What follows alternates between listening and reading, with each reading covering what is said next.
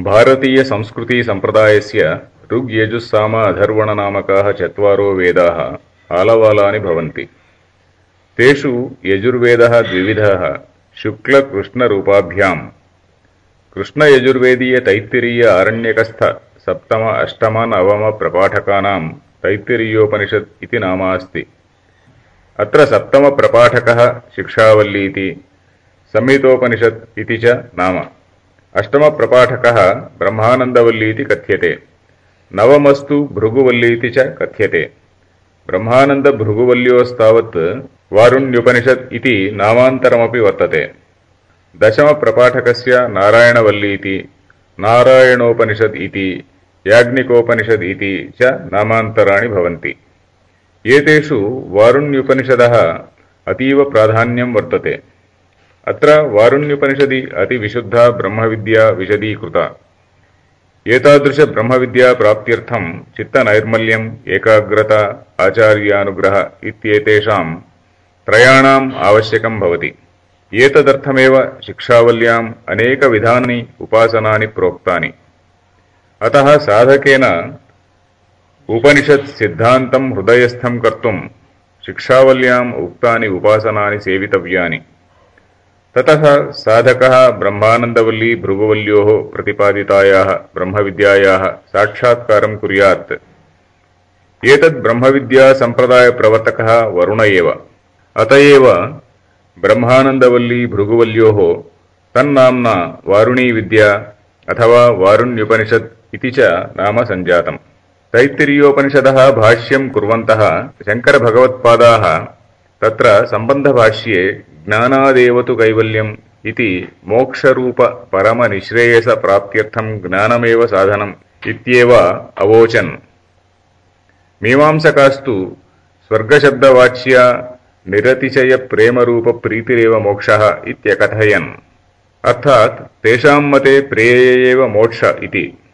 తత్ప్రాప్తి సాధనం కర్మ ఇది తైరుచ్యతే కింటు తన్మత ఖండనం అనేక యుక్తిభిః कुर्वन्तः शङ्करभगवत्पादाः अनित्यस्वर्गः इति तत् साधकः कर्मसिद्धान्तोऽपि अनित्य एवेति स्वभाष्ये विशदमकुर्वन्। एवं शिक्षावल्यां स्थितानि भिन्नभिन्न उपासनानि क्लुप्ततया व्याख्याय तदन्ते शङ्करभगवत्पादाः असम्प्रदायवित् सर्वशास्त्रविदपि मूर्खवद् उपेक्षणीयः एव इति वदन्तः। एकादशानुवाकस्थितमन्त्राणां व्याख्यानं कुर्वन्तः शिष्यस्य वेदाध्ययनानन्तरम् आचार्यः शिष्याणां कृते सत्यभाषणादिकं धर्माचरणादिकम् उद्दिश्य उपदिशति। स्नातकोत्सवसंस्कारार्थं शिष्यमाज्ञापयन् गृहस्थोचितकर्माणि अपि उपदिशति। तत्र कर्मसु देवपित्र अतिथिपूजासु दानेषु, स्वाध्यायप्रवचनादिषु, प्रमादं मा कुर्यात् इत्यपि उपदिशति। शिक्षावल्यन्ते च केवलकर्माचरणमेव मोक्षसाधनं न भवतीति केवलज्ञानादेव मोक्षप्राप्तिरिति कथयति। एवं शिक्षावल्यां संहितोपासनानि निरूपयन्तः भगवत्पादाः पुनः ब्रह्मविद्यावर्णनमकुर्वन् ब्रह्मविदाप्नोति परम् इति वाक्यं सूत्रभूतमस्ति। तदेव सम्पूर्णब्रह्मविद्यायाः बीजभूतम्। ब्रह्मविदां स्वरूपविचार एव ब्रह्मविद्या इत्युच्यते ब्रह्मविदः परप्राप्तिरेव ब्रह्मविद्यायाः फलम्। अतः ब्रह्मविदाप्नोति परम् इति वाक्यं घण्टापथं फलसहितब्रह्मविद्यानिरूपणवाक्यं भवति। अस्यां वल्याम् आगामी सकलोऽपि विस्तृतग्रन्थः। एतन्मन्त्रवाक्यस्य व्याख्यानं भवति।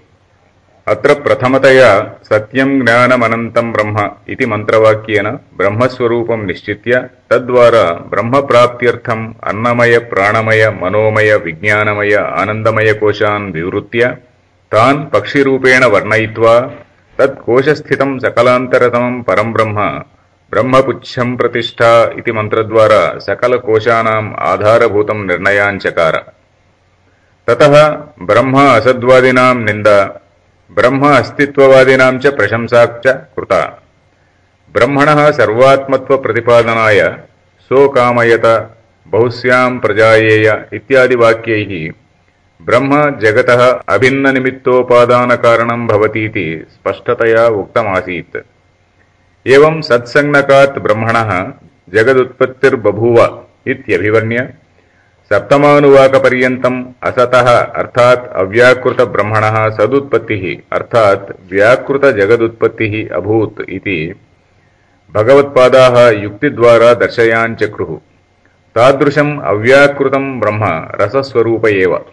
रसो वै सः रसगृह्येवायम् लब्ध्वा आनन्दी भवति इत्युक्त्वा तादृशरसलेशेनैव सकलसंसारः सजीवो वर्धते इत्युक्तवन्तः साधकः यदा स्वीयसाधनपरिपाकस्थितिमारोहति, तदा सः अदृश्ये अनात्मे अनिलयने परमात्मनि स्थितो भवति। तादृशी स्थितिरेव तस्य साधकस्य अभयस्थितिर्भवति। द्वितीयाद्वै भयम् भवति इत्युक्तरीत्या द्वितीयवस्त्वभावात् सा स्थितिः अभयस्थितिरेव। एवं साधकस्य अभयस्थितिम् वर्णयित्वा, ततः परमात्मनः अन्तर्यामित्व सर्वशासकत्वे अभिवर्ण्य ಬ್ರಹ್ಮವಿದನುಭೂತ ಬ್ರಹ್ಮಾನಂದೋಪಿ ಲೋಕೋತ್ತರ ಏವೇತಿ ದರ್ಶಯಂತಹ.